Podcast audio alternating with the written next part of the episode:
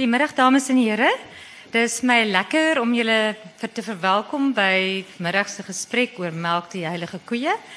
Um, verwelkoming is namens die woordfeest natuurlijk, maar ook namens NW Uitgevers in Tafelberg onder die druknaam on, waaronder die boek verskyn het. Toe Dion Maas 'n klein seentjie was, het daar op 'n dag 'n baie vername optog verbygekom. Baie weelderig, baie blauwelig brigades rondom hierdie optog. En Dion het die storie so gekyk en toe sê hy, "Maar hy het dan nie klere aan nie." En sedertdien het hy nog nie opgehou om te vertel wanneer die keiser nie klere aan het nie. Hy is 'n uitgesproke en spitsvondige en genadeloose en um ongerieflike stem wat gereeld gehoor word en uh, nou is ek ook gewapen. en ons sê vir hom dankie daarvoor. Ehm um, Dion het bekendheid verwerf as beoordelaar op Suid-Afrika se Afrika se Idols op Kyknet. Hy is 'n rubriekskrywer, hy is 'n radioaanbieder. Uh, hy is 'n vervaardiger van dokumentêre en soos ek sê, hy is uitgesproke, hy is omstrede en genadiglik ook baie snaaks. Hy gaan in gesprek tree met Ernst Grindling wat nou net van sy eie bekendstelling van elders afkom. Hy kom van elders af waar hy elders bekend gestel het. Dis sy boek oor die Camino. En Ernst is natuurlik ook bekend as as joernalis en as 'n uh, TV-aanbieder. En voordat ek aan die woord stel, ek net 'n paar goedjies sê. En luister, jy het net vergeet hy is ook 'n wenner van 'n televisiekompetisie. Nou ja, toe. Wat doen ons self vervaardig het. okay. Ehm um, voordat ek vir Lani woord stel, net 'n paar dinge. Daar is nie 'n mikrofoon wat rondgaan hier vir wanneer jy vra het nie, maar daar gaan tyd wees vir vrae aan die einde. So ek vra dat as jy 'n vraag het, steek hand op en wanneer jou beurt daar is, praat net baie hard sodat almal kan hoor asseblief. En dan ehm um, die heilige koeie is te koop hier buitekant na die tyd en Dion sal die boek teken. Hy het ook 'n lekker aanbod wat hy maak en dit is vir eerste 7 mense wat na hom toe kom met 'n eksemplaar van die melk, melk die heilige koeie sal hy nie net teken nie, maar hy sal ook en is daar nog meer teken. Maar hy sal ook vir hulle eksemplaar gee van sy vorige boek Witboy in Afrika, sowel as van die DVD, die Punk DVD van die dokumentêr wat hy gedoen het. En nou is my storie uit en dit is dit Dion en Ernst wat aan die woord is en ek hoop julle geniet die gesprek saam met ons. Baie dankie.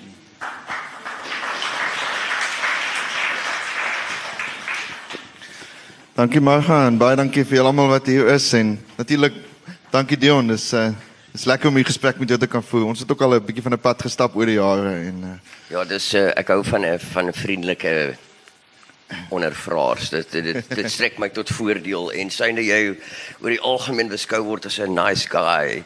Ehm um, was dit maklik om jou te kies want daar's nie baie nice guys in ons besigheid nie. So wees nou nice met my, alright. Maar jy skryf so nice oor dinge wat nie nice ook is nie, né? ja, maar dis nodig. Ek weet dit ek ek, ek dink dis die belangrikste ding is dat mense daar's da, hierdie ek weet mense gebruik 'n woord soos kontroversieel. Ehm um, uh, uh, uh, dis so 'n voorvoegsel wat so outomaties saam met Dion Maas kom en ek ek dink glad nie dis so nie. Ek dink dat ek is in hierdie stadium ehm um, die hofnar wat die enigste een is wat vir die koning met humor kan vertel wat fout is met hom. Ehm um, en ek dink dis baie belangrik dat dit gesê word. Ek dink dat op die oomblik sit ons in 'n situasie waar mense te veel beperkings op wat hulle kan of wil sê en en ek dink dit uh, ons moet daarvan ontslaa raak. Ek dink dit is 'n bietjie van 'n Afrikaanse probleem en dis besig om 'n Suid-Afrikaanse probleem te raak. Ek sien jy, jy verwys nou na na jouself as 'n as as 'n hofnar. Ek dink in die in die algemeen is jy seker nie te mal oor, jy weet, etikette of goed soos voorvoegsels of dinge wat wat net aan jou toegevoeg word. Seksie werk vir my.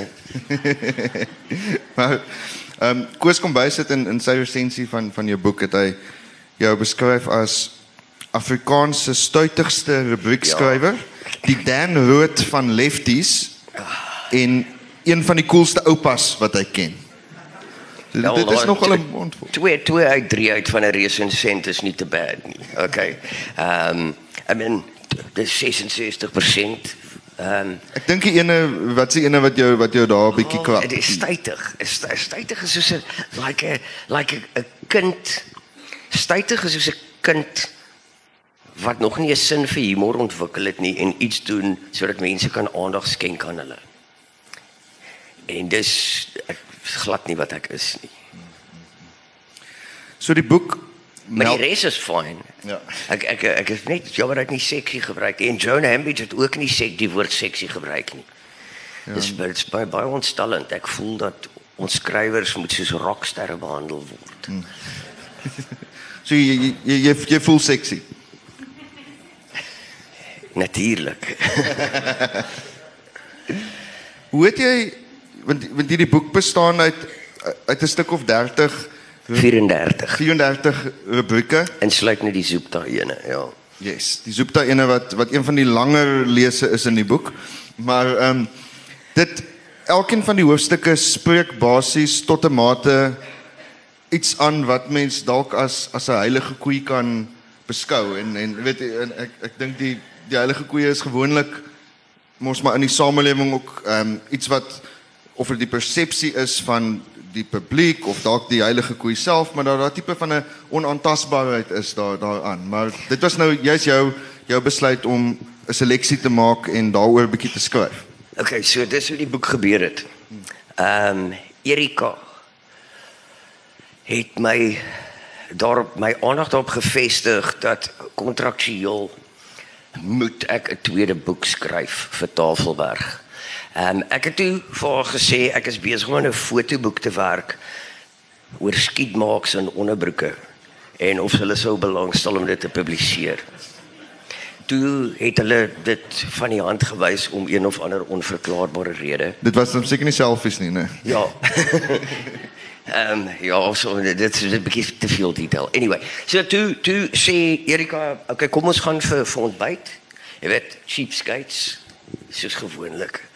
Weet, as iemand jou vir breakfast vat, dan hoef hulle nie vir jou drank te betaal nie. So dit is altyd 'n voordeel, jy weet vir die kliënt. Anyway, so toe uh, en toe sê hulle maar hulle hulle wil hulle wil 'n boek hê met 'n klomp goed wat mense nie eintlik wil oor praat nie. En toe gee hulle vir my 'n lys. En toe het ek van die goed op die lys het ek gebruik en van die goed op die lys het ek nie gebruik nie. Die titel ehm um, was dit die titel het onmiddellik gekom terwyl ek en Erika gesin praat het was dit was net soos 'n en sy het gesê iets oor heilige koeie, iets oor heilige sê ek oh, melkie heilige koeie. Ek het chang, daar's die boek se naam, nou moet ek hom net gaan skryf. En ek het hom in 3 weke klaar geskryf. Ehm um, is daar sal jy selfs 'n verskil tussen om 'n om 'n heilige koei te slag of om 'n heilige koei te melk? Ja, natuurlik. As jy hom slag is hy dood. As jy hom melk, dan kan jy baie baie ehm um, meer daar uitkry. Ek meen Melkie Heilige Koeie 2, Melkie Heilige Koeie 3. Ek kan ons kan dit soos Police Academy movies maak, jy weet. So dit van Dion Dion se take, Dion se se se rants oor ja, die so elke 2 koeie. jaar want want ek meen daai die goed wat in die boek is oor oor oor 'n jaar of 2 gaan ons nie eers meer daaroor dink dat ons ge, gepyn het oor oor wat daar in die, in die boek aan die gang is nie. Dan sal weer vo- 34 volgende onderwerpe. Ehm um, jy weet die dood van die kunstefees. Dit kry kry iets om 'n om 'n essay oor te skryf, jy weet. Ons gaan nou nou 'n bietjie by die by jou kunstefees rubriek uitkom. Ek wil sommer net by by jou hoor eintlik heel vroeg in die boek, jy's in die voorwoord reeds praat jy van die Afrikaner geen is 'n is 'n dwarstrekker geen. Wil jy dalk so 'n bietjie net daaroor daaroor uitbou? Okay, cool. So ek het 'n hele teorie en dit geld nie net vir die Afrikaners nie. Ek het 'n hele teorie dat almal wat in hierdie land bly, bly hierso omdat hulle met iemand iewers beklei het. Al ons voorvaders, hulle het met die kerk beklei. Hulle het met die buurman beklei, hulle hulle het met hulle konings beklei. So ons gene as as Suid-Afrikaners het twee daar's twee karaktereienskappe. Die een is dat ons het dis nie binne ons vermoë om probleme op te los nie. Want as ons voorvaders probleme kon opgelos het, dan sou hulle gebly het waar hulle was en ons sou nooit hier gewees nie. En die tweede een is dat ons is almal harregat. En dis ook 'n genetiese ding. Jy jy jy trek nie na 'n nuwe kontinent toe op 'n seilskip waar daar 20% kans is dat jy gaan doodgaan as jy nie 'n dwarstrekker is nie. Dis dan om na 'n 'n kontinent toe te kom wat niemand weet wat dit is nie. So ek ek dink dat die die die ons ons onvermoë om probleme op te los en ehm um, ons dwarstrekkerigheid. Ek dink dit is totaal deel van ons DNA. Sou jy dan sê dat ehm um, apartheid self ook 'n manifestasie van 'n tipe dwarstrekker geen was? Okay, so hier video gaan my skiet hier. Is een van my teorieë wat ek nog nie op video uitgetoets getoets het nie. En video is my maatstaf. Dis nou jou vrou Vida net. Dis my vrou. Cool. So, hier is my ding. As jy kyk na hoe Afrika werk. Ehm um, eerstens moet jy as jy as jy wil na apartheid kyk, moet jy besef dat die die Afrikaner is 'n 'n 'n 'n een is 'n Afrika stam. So as jy rondom jou kyk, dan gaan jy sien dat elke stam wat in die hoof staan van 'n land, dat die mense van daai stam trek voordeel uit die stelsel uit. Soos jy het hierdie etniese riots in Kenia gehad en daai tipe van goed. En en ek dink dit is baie belangrik dat mense apartheid in daai konteks moet begin sien. Dat dit was 'n stam wat sterker was as die ander stamme, politieke mag en en en alle forme van mag gebruik het om hulle self in 'n in 'n in 'n in 'n powerful posisie te plaas En toe dit daar gekom het, het hulle hulle eie stam se mense wat voordeel trek daarvan. Dis soos die in China as jy 'n Han Chinese is, dan kry jy baie makliker werk by die regering. In Kenia ehm um, Nigeria is net so 'n goeie voorbeeld. Jy weet die Yorubas beheer die land. Die Hausas en die en die Ibos trek aan die aan die korter tyd. So miskien moet mes uh, meer na apartheid in daai konteks begin kyk as as 'n bloot dood eenvoudige wit swart ding. Natuurlik sit mens ook nou in 'n in 'n in 'n nuwe bestel en 'n nuwe regering waar daar Dit is eintlik so kom is as jy ou een. Hè? Wat net so kak is jy ou een. Al dit dit is dit is so daar's soveel dis so kompleks en daar's soveel probleme waarmee alle Suid-Afrikaners op die oomblik mee struggle. Ehm um, en weer 'n nuwe tipe struggle en verwys ook eintlik na die dan die Afrikaner die dwarstrekker geen en daar altyd nog 'n struggle ook saam met dit was. Maar terselfdertyd is daar ook natuurlik baie mense wat om verskeie redes hulle self nie noodwendig met as Afrikaner vereenselwig of of of tipeer nie. Maar ek sien ek sien jy die jy die tatoeëermerk Afrikaner op op jou op jou arm. Ehm um, met die anargie teken in die middel. Ek het met die anargie teken waaroor jy ook in die boek skryf. So sal jy dan tuis voel om as as 'n tipe Afrikaner anarchis bekend te stel? Sorry, dis baie snaaks. Ehm um, ek sal dit love om 'n anarchis te wees, maar op 'n praktiese vlak werk dit nie baie goed nie.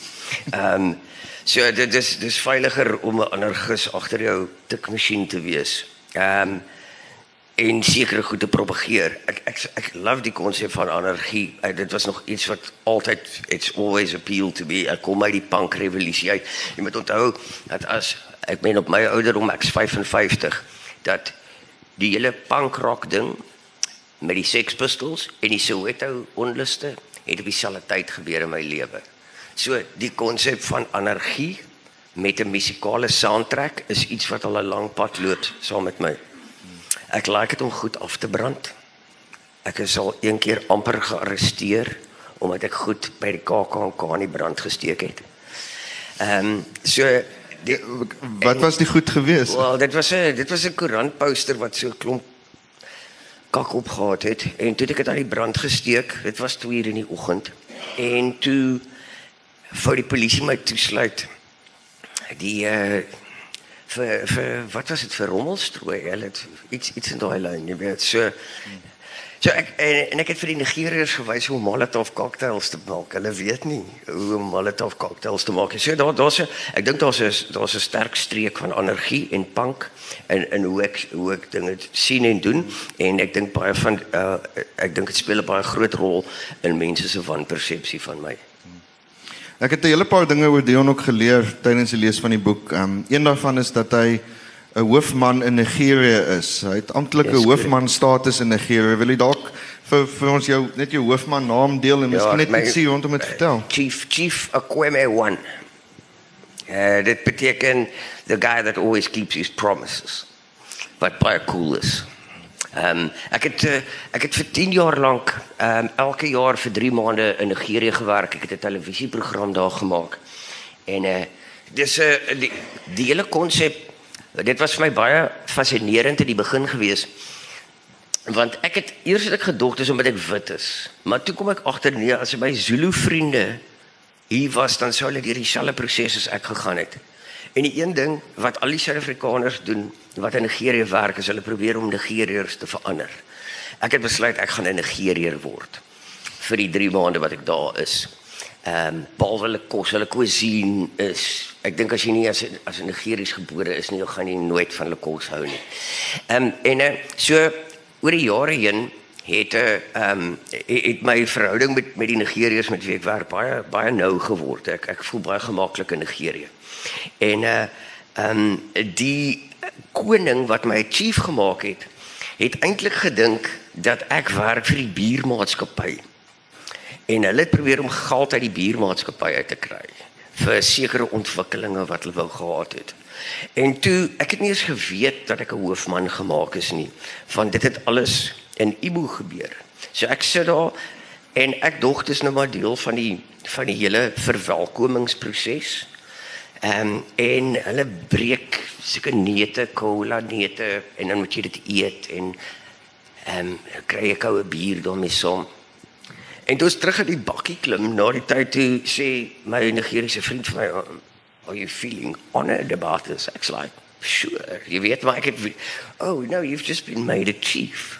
Ek's like oh, okay cool, maar ek dink toe dis soos 'n dime a dozen, jy weet.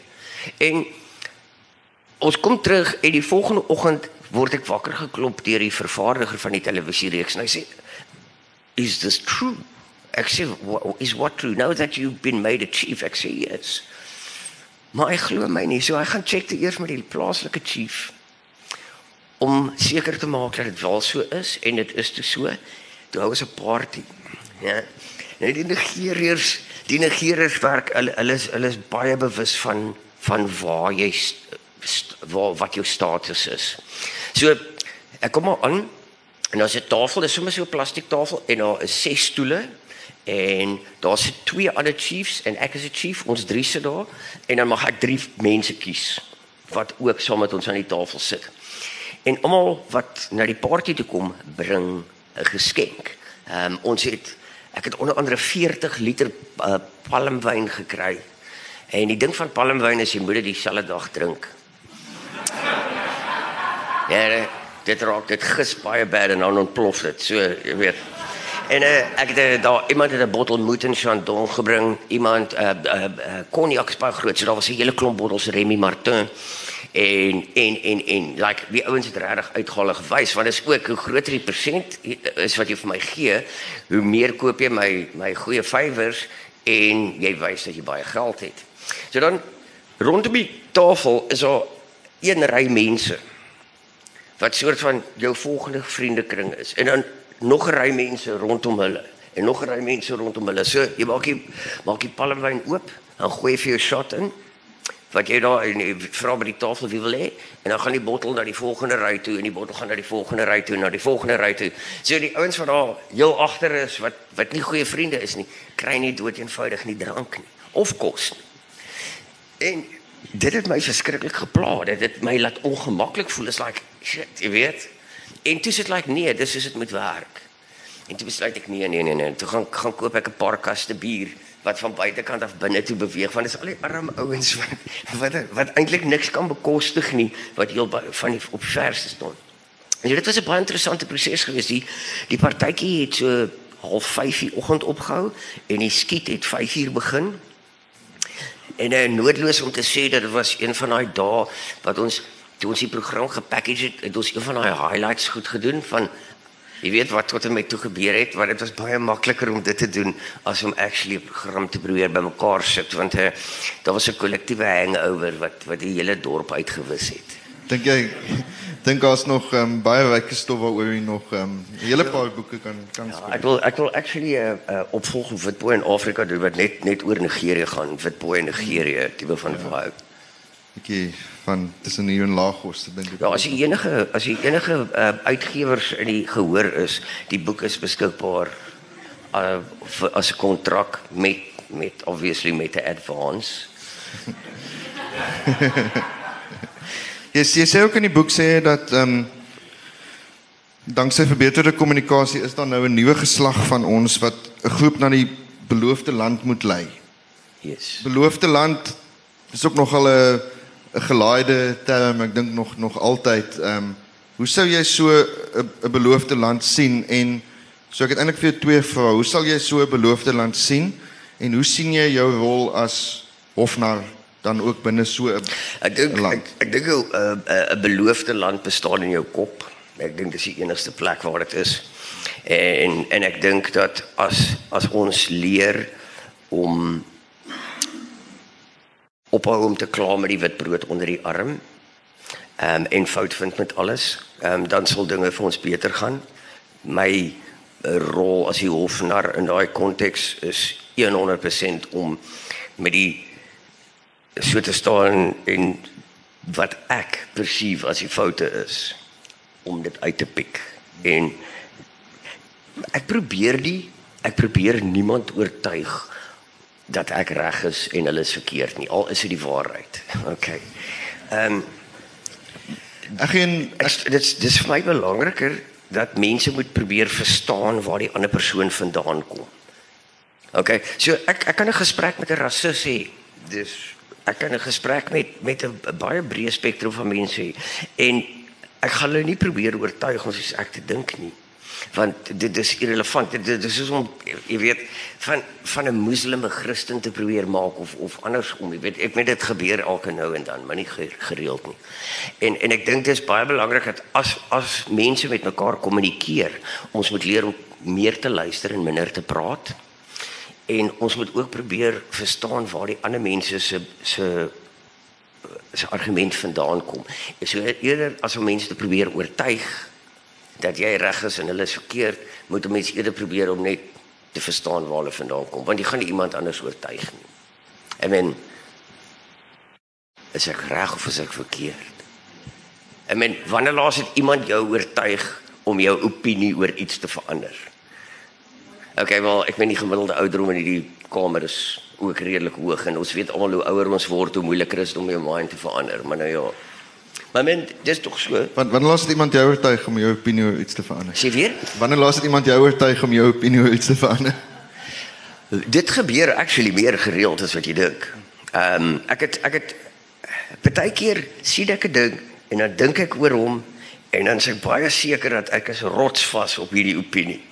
Ehm um, en dan begin praat ek met Vida en Vida mense weet dit nie eintlik nie, maar daar's 'n groot ouderdomsverskil tussen ons, jy weet. Ehm um, so nie net praat ek met 'n vrou nie, maar ek praat ook iemand wat van 'n ander geslag is. Ehm um, so en en dan vestig sy my aandag op sekere goed. Ehm um, en en dan partykeer val my argumente uitmekaar uit. So so dit dis nice om my soundboard te hê en ek is bereid om te luister. Ek daar's net daar's seker goed. Dit help nie om met my oor godsdienst te praat nie. Dit help nie om enige op enige vorm te probeer om rasisme te regverdig nie en ek kry dit meer en meer gereeld van mense nader en nader aan my.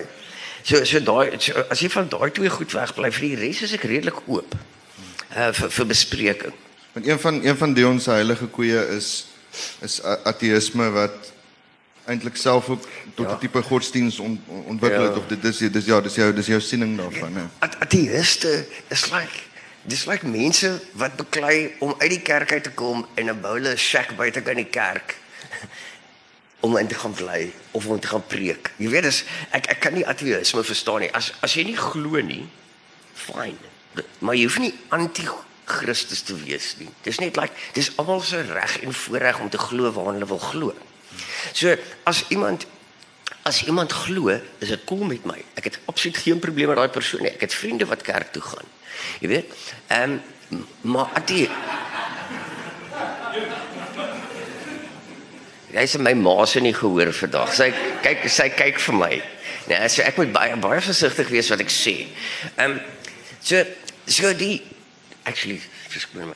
So die probleem van ateïste is dat hulle maak actually 'n issue van niks nie. So dis soos satanisme ook. Jy weet dit is like die hele konsep van Satan is 'n Christelike konsep en satanisme het niks met Christendom te doen nie en dit het niks met die Satan in die Bybel te doen nie. Jy weet dit en en maar mense mense te mense te baie uh mense se koppe is baie toe as dit by sekere goed kom. Ek het hierdie baie interessante stuk gelees wat sê dat jou opinies wat jy het vandag is almal gevorm teen die tyd wat jy 20 is. So die die die hele idee dat dat as jy ouer as 20 is filosofies anders gaan begin dink is bestaan omtrent nie. So as jy met mense oor godsdienst praat, mense ontmoet godsdienst nog voor hulle kan praat actually. So dit dis so deel van van ons lewe en so deel van jy jy's gewire op 'n spesifieke manier as gevolg van godsdienst. So dis dis fisies onmoontlik om met iemand shit, het iemand se pad uitgeloop. Is dit iets wat ek gesê het? O, okay. Sal dit jou plaas iemand uitloop? Weet jy? Ja. En ek sê sê hoekom? Want want wat hierdie is is 'n show. En mense het betaal om hier te wees. Dis nie asof ek op die straatplein staan, ag op die op die straathoek staan en en iets rondvaai nie. So mense het geld betaal om hier te wees. By the way, ek word nie ek kry nie die geld wat wat jy voor betaal het vandag nie. Nou net vir julle, dis is 'n free gig. Nou ek is hier so van my eie vrye wil is 'n kontraktuele verpligting met my uitgewer. So as iemand as iemand gaan 60 bucks betaal en dan uitloop sien nou gaan hy deur al weer oop toe.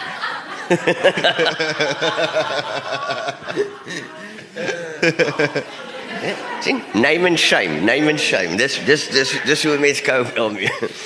Ehm um, so ja, dit sou my plaas iemand as iemand hier nou gekom het met die hoop om vermaak te word en dan loop hulle uit want dit beteken dit ek het nie my job reg gedoen nie. Ek moet sê ek ek ek ek, het baie elemente van jou jou boek baie vermaaklik gevind. Dit is, 'n boek wat mens jy lees hom in in in 3 4 ure lees jy hom deur. En uh, ek wil actually, jy weet die op die voorkant staan daar van Baarde en Banting tot Zoopta en Zol. Yes. En my voorstel aan Tafelberg was stories om jou oop lyf makliker te maak. maar somehow wou hulle glad nie buite in die idee nie. ek wil bietjie ek wil bietjie ons is nou hier by by 'n fees by die woordfees so ek wil bietjie by jou by jou hoor weet spesifiek jy het ook 'n hoofstuk oor kunstefeeste as ja. as dit tipe heilige koei en ja, um, ons is nou ons is een trappie ons is nou al op die tweede trappie van die kunstefees as jy nou die teorie kyk die teorie is dat hoe verder noord die kunstefees gebeur hoe meer zef is dit Ja, en en en en en ek ek wil ek wil jou eintlik aanhaal. Ek wil jou aanhaal hier en ek ek ek gaan natuurlik nou selek, selektief aanhaal, maar dit is wat Dion in die boek skryf. Ehm um, so ek, in in kort, ek som dit nou op. Maar woordfees is gelyk aan snops. KAK&K is bipolêr. Aardklop is nog vis nog vlees en in die bos is die plek waar die gees van die ou Suid-Afrika op sy beste voortleef. Dis soort van jou tweet oor kunstefeeste as jy dit nou amper in 'n tweet yes. sou gesit het. Maar yeah. Mens kan ook jy weet daar is natuurlik ook 'n teenargument dat dit dit dit kan nogal 'n bietjie van 'n van 'n veralgemening wees in in sommige opsigte. Kom ons praat oor die woordfees. Hier is ons nou. Ek ek dink nie dis 'n veralgemening nie. Ek dink dis dis uh, ek dink elke elke fees het het, het, het sy eie identiteit. Ehm um, en die woordfees se identiteit is snobbery. Die snobbery. Snobbery. Ja, dis like mense wat wat witwyn drink en like jy weet eh, ek Ja, weet jy, actually no no no jy my no, jy sit jy my bietjie op die spot hier. Okay. So, kom ons kyk na na woordfees. Okay. Eerstens dit word dit word geborg deur die Universiteit Stellenbosch. Dis die eiendom van die Universiteit Stellenbosch. Wat beteken dis nie Oudtshoorn nie, verstaan jy? En dan is dit in hierdie plek wat ek weet Stellenbosch equate met snobbery al van Simon van der Stel se tye af. Jy weet dis like die die dorp is gestig deur mense wat nie met die gepepel in Kaapstad wil uithang nie. Bietjie dwars, ook 'n bietjie dwarstrekke wat ehm um, daar Ja, maar snobbery.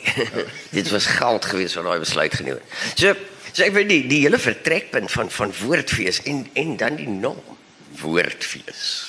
Jy weet, nie kaka en ka nie. Woordfees. Dis so so ja, ek weet um, ek het 'n uh, ek het besluit om te gaan middagete eet. En uh, gewoonlik gewoonlik gaan rook ek weed in die botaniese tuin. Want dis hier, dis like dis totally zen, jy weet. so het ek vandag besluit om daar te gaan eet. En uh, toe ek daar inloop, toe het ek en Vida al twee soort van half vasgesteek. En net onsself moes like heroriënteer. Okay. As jy ooit gewonder het of jy by woordfees is, hierso sit jy. Want dis dis 'n baie identifiseerbare gehoor. Die die kunstefeeste oor die algemeen kuiter vir ryker wit Afrikaanse mense wat baie geld het om rond te gooi. In die bos obviously nie. maar ehm um, maar, maar ek meen as jy nou na 'n kunstefees toe kom, ehm um, jy jy hardloop op like 2, 3 grand 'n dag. Jy weet as jy na die shows toe gaan en jy verblyf en en en ja, Stellenbosch is duurder as ander plekke. So So ja, julle is almal 'n klomp ryk snaps. Actually nog, julle is 'n klomp wit ryk snaps. Julle is Afrikaanse wit ryk snaps. Dis 'n plesier. ja, okay. Ons is al deur en almal sit nog. Kom ons gaan na 'n volgende onderwerp. Kom ons gaan na 'n volgende onderwerp. Ek kom ek kom ook van Belwel af en en ek sal vir jou jou goue sterretjie gee na die tyd. Want dit sal ek vir jou sê, dis 'n great fees. Okay? En ek hou Wat ek waarvan ek, ek kan maar sit. Ehm um, wat wat wat ek hou van die feeste is dat dit is vir, vir my as 'n kreatiewe persoon is dit dis al die mense wat van ander plekke af kom. So in plaas van om na 10 plekke toe te gaan, gaan jy na een plek toe en almal is daar en as hulle huis toe gaan, dan vat hulle die boodskap saam met hulle. So en en dis so die die verspreiding van kultuur raak baie makliker met die feeste. En en ek is ewig dankbaar daarvoor. Ek wil net graag hê dat julle moet van die mense ontslaa raak. Okay. Mhm. Mm okay, genoeg van jou. Hierdie is oor my. Ek dink jy ehm Ek dink tog die die die woordfees en ek dink die ons sal daarmee saam. Jy weet dit is 'n uh, dis soos in die ou kom se kabeur dit is dit is tog slegs slegs vir almal. Ehm um, almal is nie altyd in die gehoor nie, maar dit is slegs vir almal. nee, die feeste se nominasies word deur Karen Meyering bepaal. Dion van heilige koeie gepraat en hier is 34 hoofstukke waar hy skryf. Is daar vir jou iets soos 'n 'n taboe onderwerp? Is daar iets wat wat jy nie was daar 'n heilige koei of twee hier wat wat jy toe jy die lysie sien of toe jy self aan iets gedink het, gedink het hm, nee. Ek dink nie ek dink nie ek sal iets Actually weet jy, okay, daar's daar ek sal daar's twee goed. Die een is dis moeilik it's it's difficult to bite the hand that feeds you. So ek kan nie wel ek kon nie, ek kan nou. Ek kan nie iets skryf oor hoe om, omgekrap ek met netwerk 24 is terwyl hulle my betaal nie. Okay, so en obviously is ek ek ben ek het 'n ek ek moet ek moet 'n inkomste genereer. Ek's 'n besigheidsman. So ek moet versigtig wees om nie op my eie kliënte se tone te trap nie. Ehm um, maar so ek ek sal twee keer oor iets dink. Ek het byvoorbeeld ek is be, baie bewus van ehm um, ongeruimthede rondom die grootste Afrikaanse musiekfees in die land in die wêreld actually. So ek is baie bewus daarvan ehm um, ehm um, maar hierdie hierdie fees word geborg deur iemand wat 'n kliënt van my is. So as ek daaroor gaan skryf, ehm um, uh, dan gaan ek eintlik my eie voet vasspyker ehm um, aan die grond. Ehm um, en dis een van die redes hoekom die hierdie Berlyn ding wat ek wat ek in Vida Berlyn toe trek, daar's 'n sekere vryheid wat ek nou gegun word, want ek is nie meer afhanklik van van enige iets hier nie. So nou kan ek vir die eerste keer in my hele lewe kan ek werklik heeltemal geen beperkings sit op op wat ek wil sê nie. En die, die ander ding wat ek nooit ek sal nooit 'n individu wat nie in die openbare oog is iets iets kak oor skryf nie. Dis like it's not cool. Jy weet, is ek sou vir iemand sê as ek nie van hulle hou nie eh, of as hulle iets verkeerd doen, maar sal nie iemand op papier uitmekaar uittrek wat 'n Jan en Alleman is nie. Jy weet as jy as jy soos 'n Truman Prins is dan dan sê fair target. Adrian Vlok is 'n fair target. Edward Zuma is 'n fair target, jy weet. Ja, dis almal van die heilige koeie wat jy oorskryf in die boek. Ja, maar, maar vir die res, ja, ek ek wil ek ek ek sien nie mense like ek wil ek wil actually mense like lelik wees met mense nie. Ek hou nogals van mense en mense is baie keer verbaas as hulle my vir die eerste keer ontmoet. Dis dit hierdie dis hierdie most common ding. Jy's so nice. so die die die openbare persepsie oor wat ek is en wat ek is is uh, jy weet is so verskillend. Oor en ek moet sê ek, ek het nogal verskeie kere tydens die lesie van dis 'n regte boek wat jy ek het myself uitgevang waar ek waar ek hardop hardop lag um, en daar in my woonstel in Groenpunt terwyl ek die boek gelees het. Dit het verskeie kere gebeur. So skryf Dion oor Adrian Vlok. Ek wonder of Adrian al 'n spesiale afskorting in die kattebak van sy motor laat bou het om te keer dat die plastiekskottel wat hy so am- om almal se voete te was te veel rondgly. Ja, wel ek ben die die uitgangspunt daar is dat as jy hierdie dinge die, in die in die kattebak van die motor gaan hê en en jy weet hy gebruik daai ding so gereeld dat hy uiteindelik gaan skade wees aan die aan die binnekant van die kattebak wat die tweedehandse waarde van die motor gaan verlaag. So ek is baie prakties. Sal jy iemand se voete was en indien wel wiesen? As deel van foreplay miskien. Maar verder ek weet nie, ek het weet jy, ek het 'n bietjie van 'n ding, ek ek loop nooit kaalvoet nie. Ek het 'n seun wat omtrent die hele tyd kaalvoet loop. Maar ek het ek ek ek ek, hou daarvan dat my voete toe is. Ek dra nie sandale nie. Ek ek het so 'n bietjie van 'n ding. Dis like los my voete uit en ek ek ander mense se voete is like bietjie freaky, jy weet, dis bietjie grillerig. Ek ek dink actually dat jou voete is 10 teen 1 'n groter illustrasie van jou lewenstyl as jou gesig. Ek dink dat daar meer, jy kan meer van iemand se se lewe leer deur na hulle voete te kyk as noodwendig hulle gesig. Dis maar net 'n opinie. Hier's 'n aanhaling agter op die boek wat ek het bietjie met jou wil gesels. As jou tong in jou kieses gaan jy baie skade opdoen in 'n vuisgeveg. Dis korrek. So dit op 'n- sekere vlak as jou Kom ons praat gou daaroor. Kom ons praat bietjie daaroor, ja. Want hier is die een ding. So die een negatiewe ding in die resensie wat Jonah Ambidge geskryf het. By the way, net om vir jou te verduidelik hoe hoe bad die verhouding tussen my en die Afrikaanse media in hierdie stadium is. Rapport het besluit om vir Joan Hambidge te vra om my boek te resenseer. OK. So sy het 'n positiewe resensie geskryf, maar deur my boek te gee vir Joan Hambidge was daar 80% kans dat sy die vloer met my sou vee. So dis hoe mal Waldemar en Pieter Malan oor my is, net om dit in konteks te plaas. So dit sien en Joan sy die een ding wat sy na 'n resensie geskryf het, hulle dit uitgesny uit rapport uit, maar dis dis in, in die online ene. Ehm um, sê sy vir my maar dit dit is dis 'n spreekwoord. En sy kritiseer my grammatika rondom die hele ding. Die interpretasie daarvan. Ja, en en ek is like, okay, maar ek het dit actually letterlik bedoel. So dis 'n bietjie van 'n woordspeling gewees. Wat ek gedog het wat nogal smart was, maar Tannie Joan het nie daarvan gehou nie. Sy's nie hier vandag nie, né?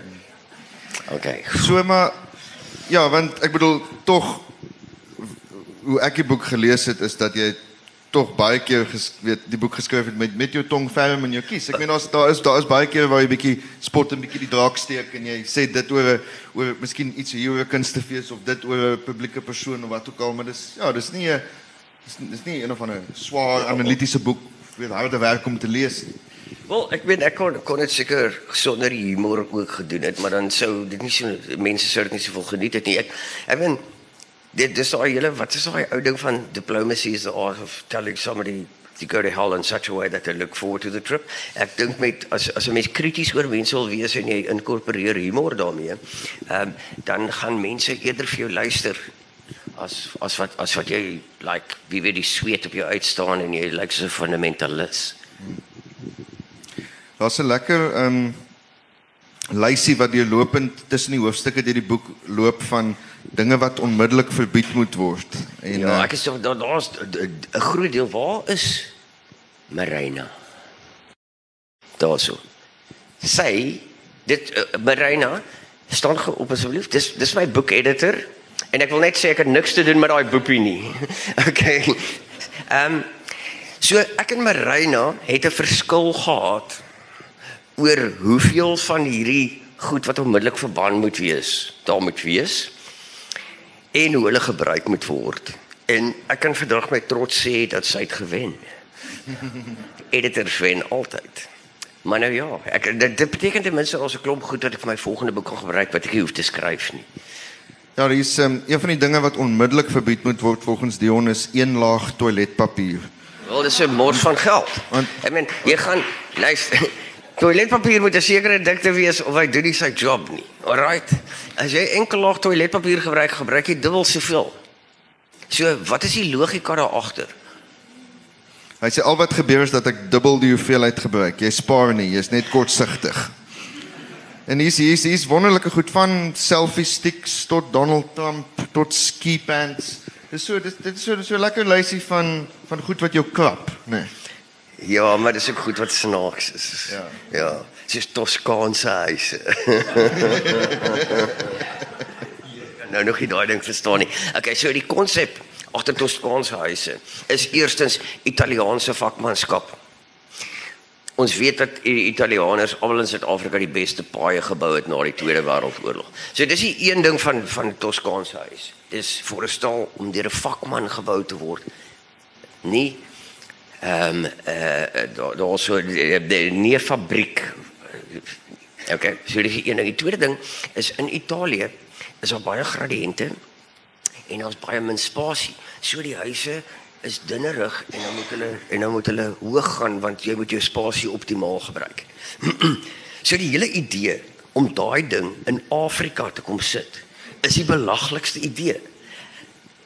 Ek was in Madagaskar gewees en in Madagaskar aap hulle die Franse boustyl na wat in die middel van Parys is. So jy jy 'n plek is soos in 3, 4 verdiepings hoog en hy's so smal.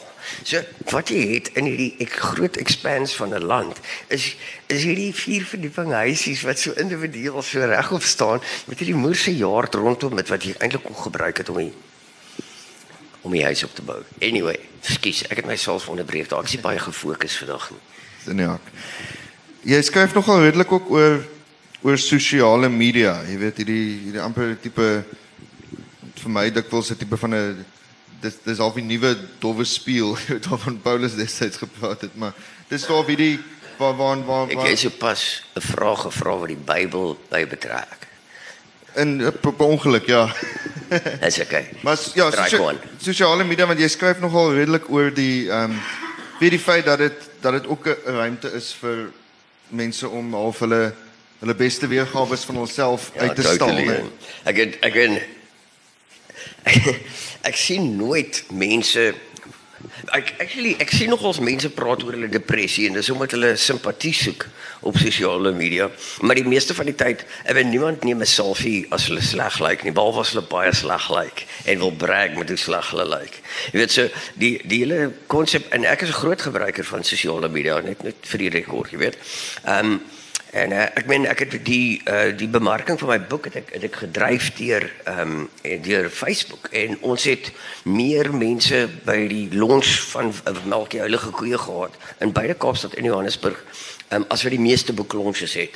Die feit dat ons gratis whisky uitgedeel het het dalk ook 'n rol gespeel, maar die sosiale media het beslis gewerk.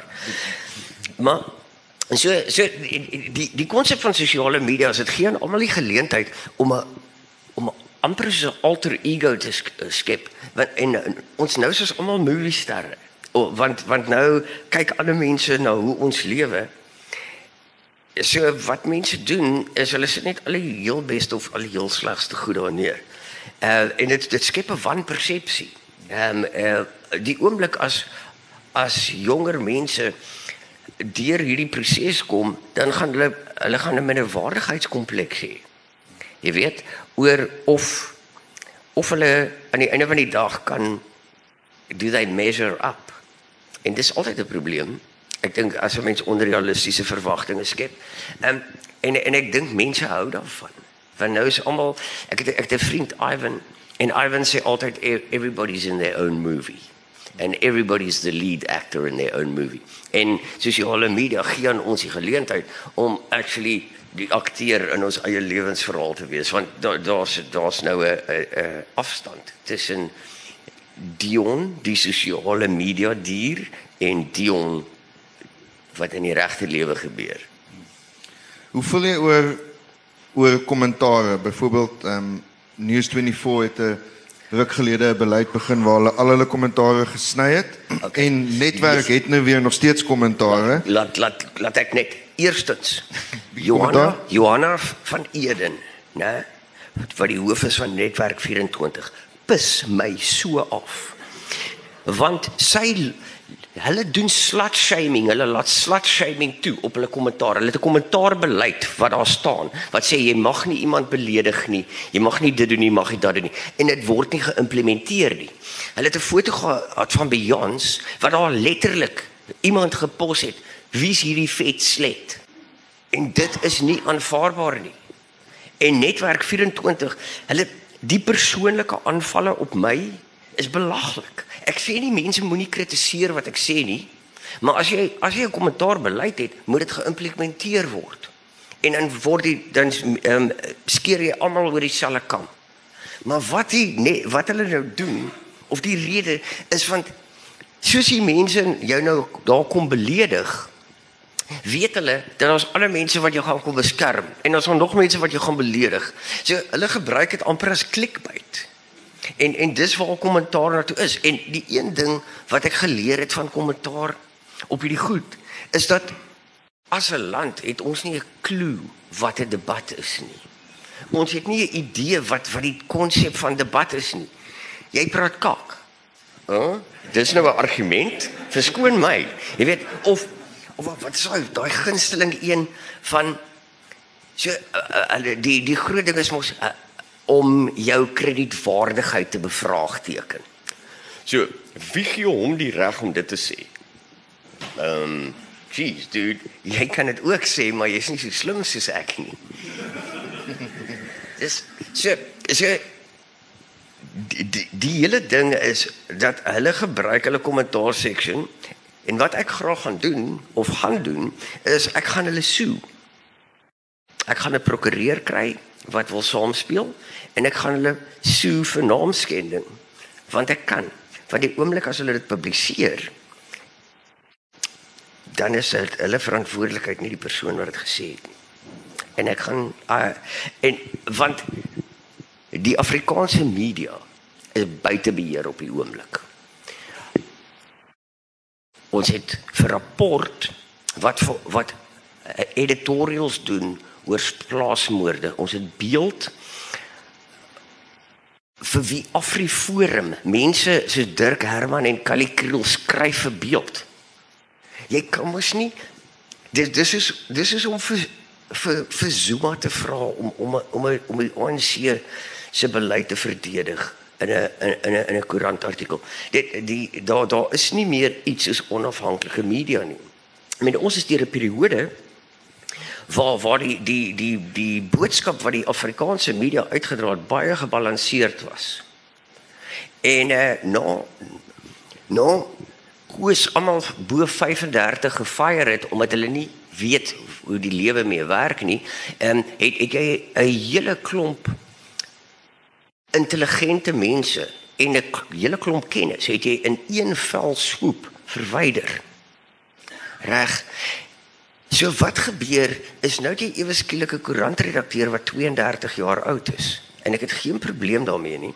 Ek ek meen ek wens ek was 'n koerantredakteur op die ouderdom van 32, maar daar's 'n sekere arrogansie wat daarmee saamgaan en die koerantredakteurs deesdae is almal hulle is eerder besigheidsmense as wat hulle hulle is ja, hulle is eerder sakemanne as as wat hulle regte joernaliste is. Want dis wat wat met die media gebeur het. Nou, jy weet almal almal het aandeelhouers, almal wil hê hulle aandele moet volgende keer beter uit volgende jaar beter uitbetaal. So geld speel 'n groot rol as enige vorm van doktrine of enige poging na balans in die Afrikaanse media in hierdie stadium. En die mense wat effens progressief dink, ek het baie slegte nuus vir, ons. Ons het verloor. Dis dis dis die situasie waarin ons sit op die oomblik. Die regse rassiste is besig om te wen. Afriforum, solidariteit. Hulle is besig om te wen. En ek sien Afriforum is besig om lekker hier so in die Kaap ook te begin neskop en almal dink hulle is so nice.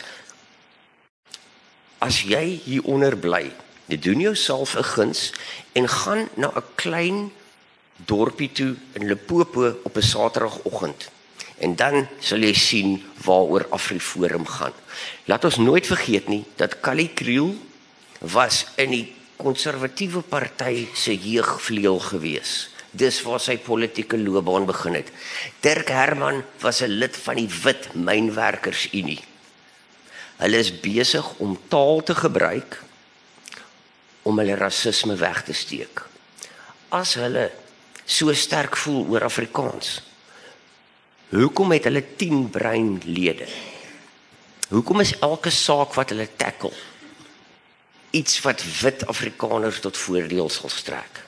Nie dat maar Ek het geen probleem dat mense na ons regte wil kyk nie, maar dan moet jy sê presies wat jy is.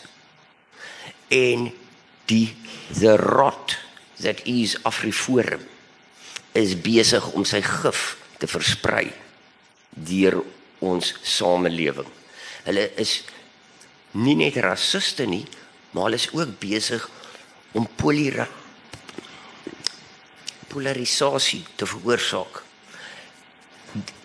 die as ons as wit mense gaan bloei in hierdie land, gaan ons bloei omdat die rassiste dit veroorsaak het.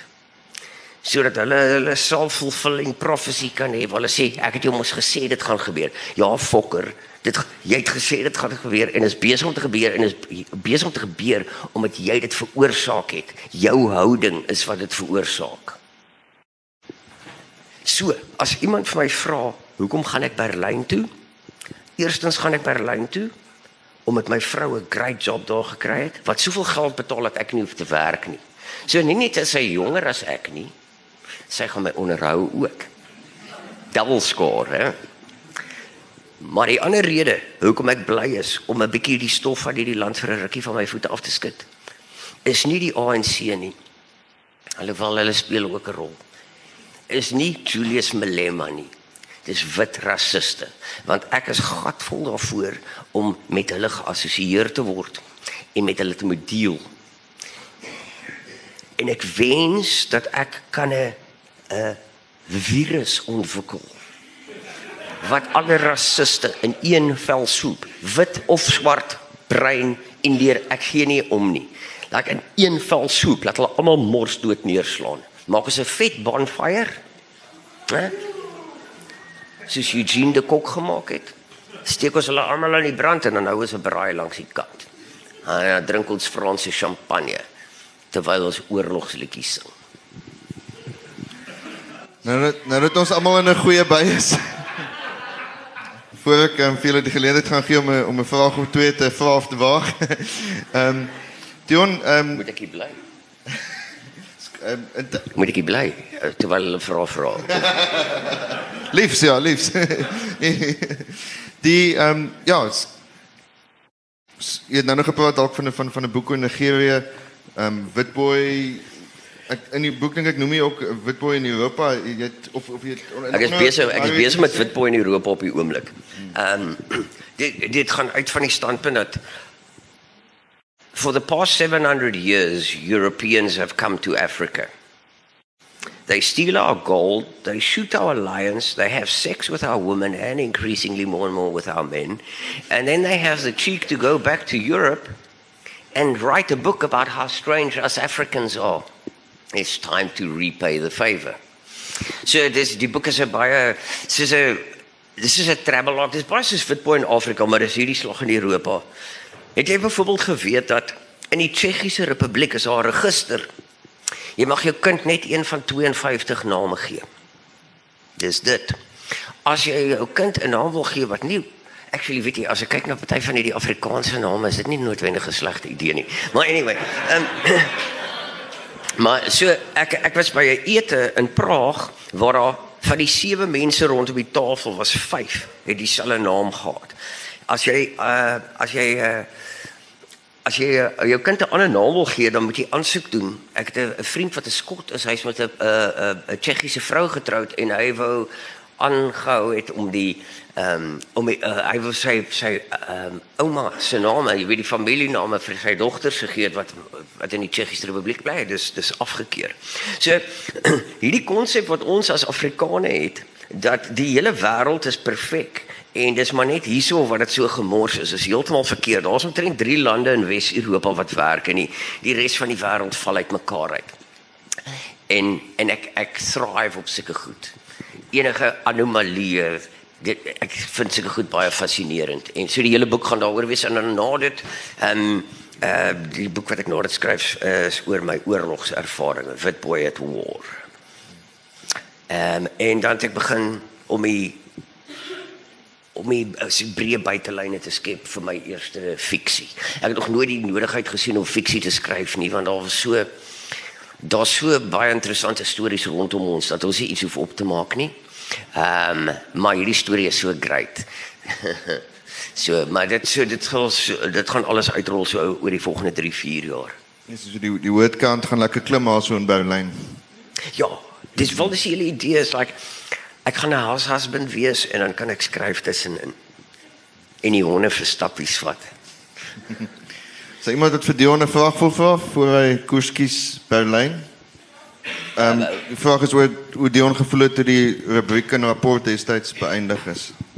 OK, eerstens ons praat van 10 jaar terug. So dis dit die sala as jy by 'n vraag oor idols vra. Dit het 'n rol in my lewe gespeel, maar dis geskiedenis. Maar sy is so nice smile dat sal ek jou antwoord gee. OK.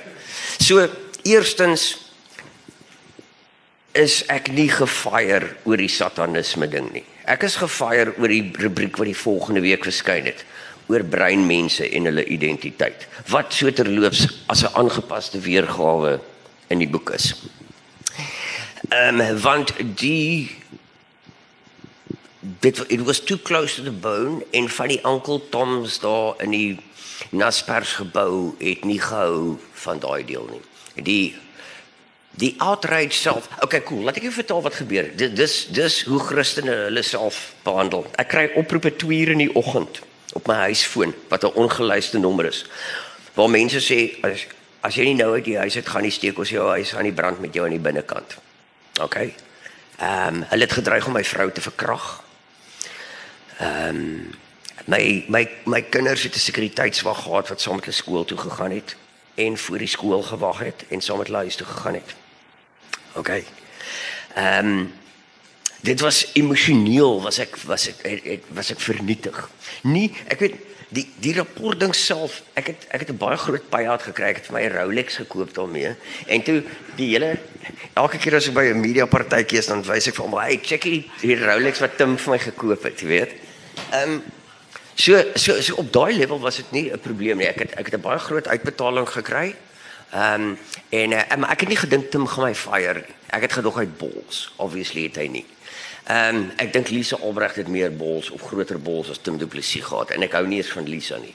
Ehm um, so so ek het nie gedink hy gaan my fire nie. So toe hulle my fire, was dit vir my ek het verraai gevoel want hy hy het hy het afgeteken op daai ding. Hy het vir my SMS gestuur wat gesê het hierdie is die terpentyn wat die volk onder hulle hol nodig het. Die aand het hy het van die drukkers afgekom met die vars koerant op my tafel kom sit my fucking single malt gedrink. Dis hoe nou die verhouding was. So as jy as jy onder sulke omstandighede gefire word, dan dit kom as 'n skok en ewe skielik begin bevraagteken jy sekere goed. Uh, ja, dit was dit was 'n heavy tyd. Ek was emosioneel uh redelik af. Uh, dit het my rukkie gevat um, om om weer sterk te voel. Ehm um, en ek sou baie graag weer deur so 'n proses wil gaan nie. Enige verdere vrae nog? My vrou het wieder was baie mal oor die kos, ja.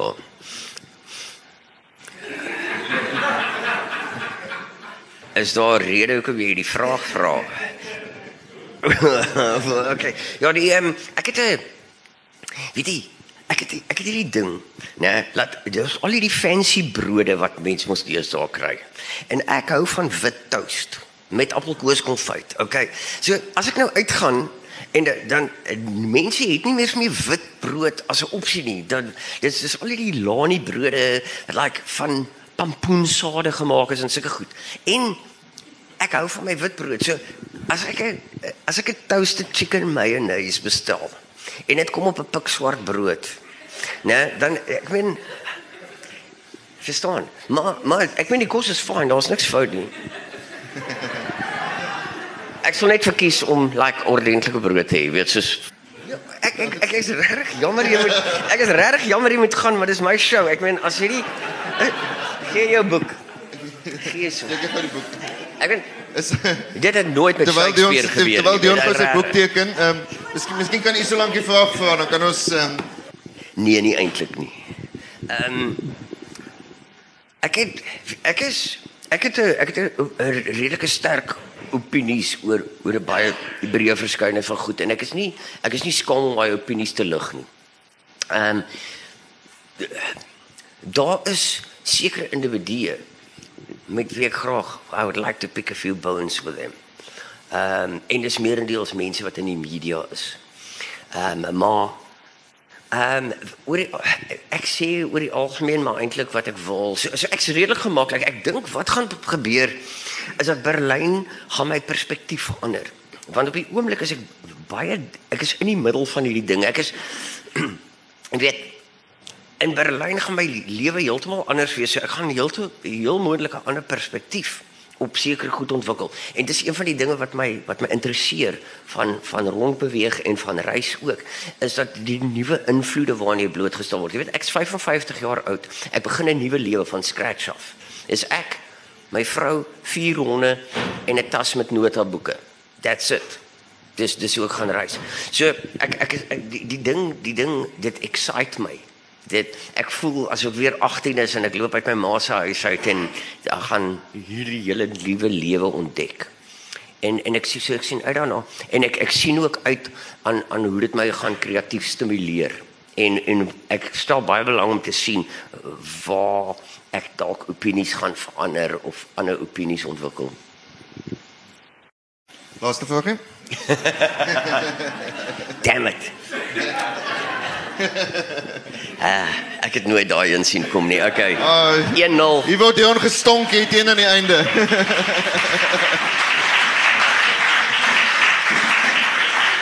ba, ba, baie dankie vir almal wat hier is. Baie dankie Dion.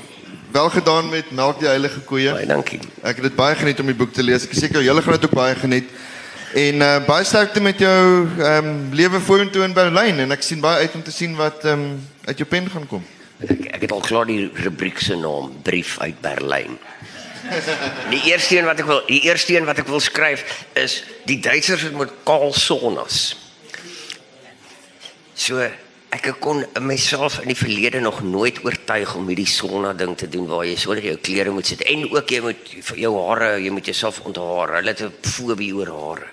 Dis uh, by openbare swembad in Frankryk mag jy nie board shorts dra nie. Jy moet speedo dra want hulle is bang jou pubic hare gaan in die in die swembad ronddryf. So ek dink die, die, die eerste rubriek gaan ek wees wat nou hierdie sonna toe gaan en al my klere vir vreemde mense moet uittrek want dis nie iets wat ek gewoond is nie. So kyk uit daarvoor. As daar enige tydskrif uitgewers hier so is dit ook in die mark hoor. Die die ons sal hier agter wees om die boek te teken. Baie dankie julle.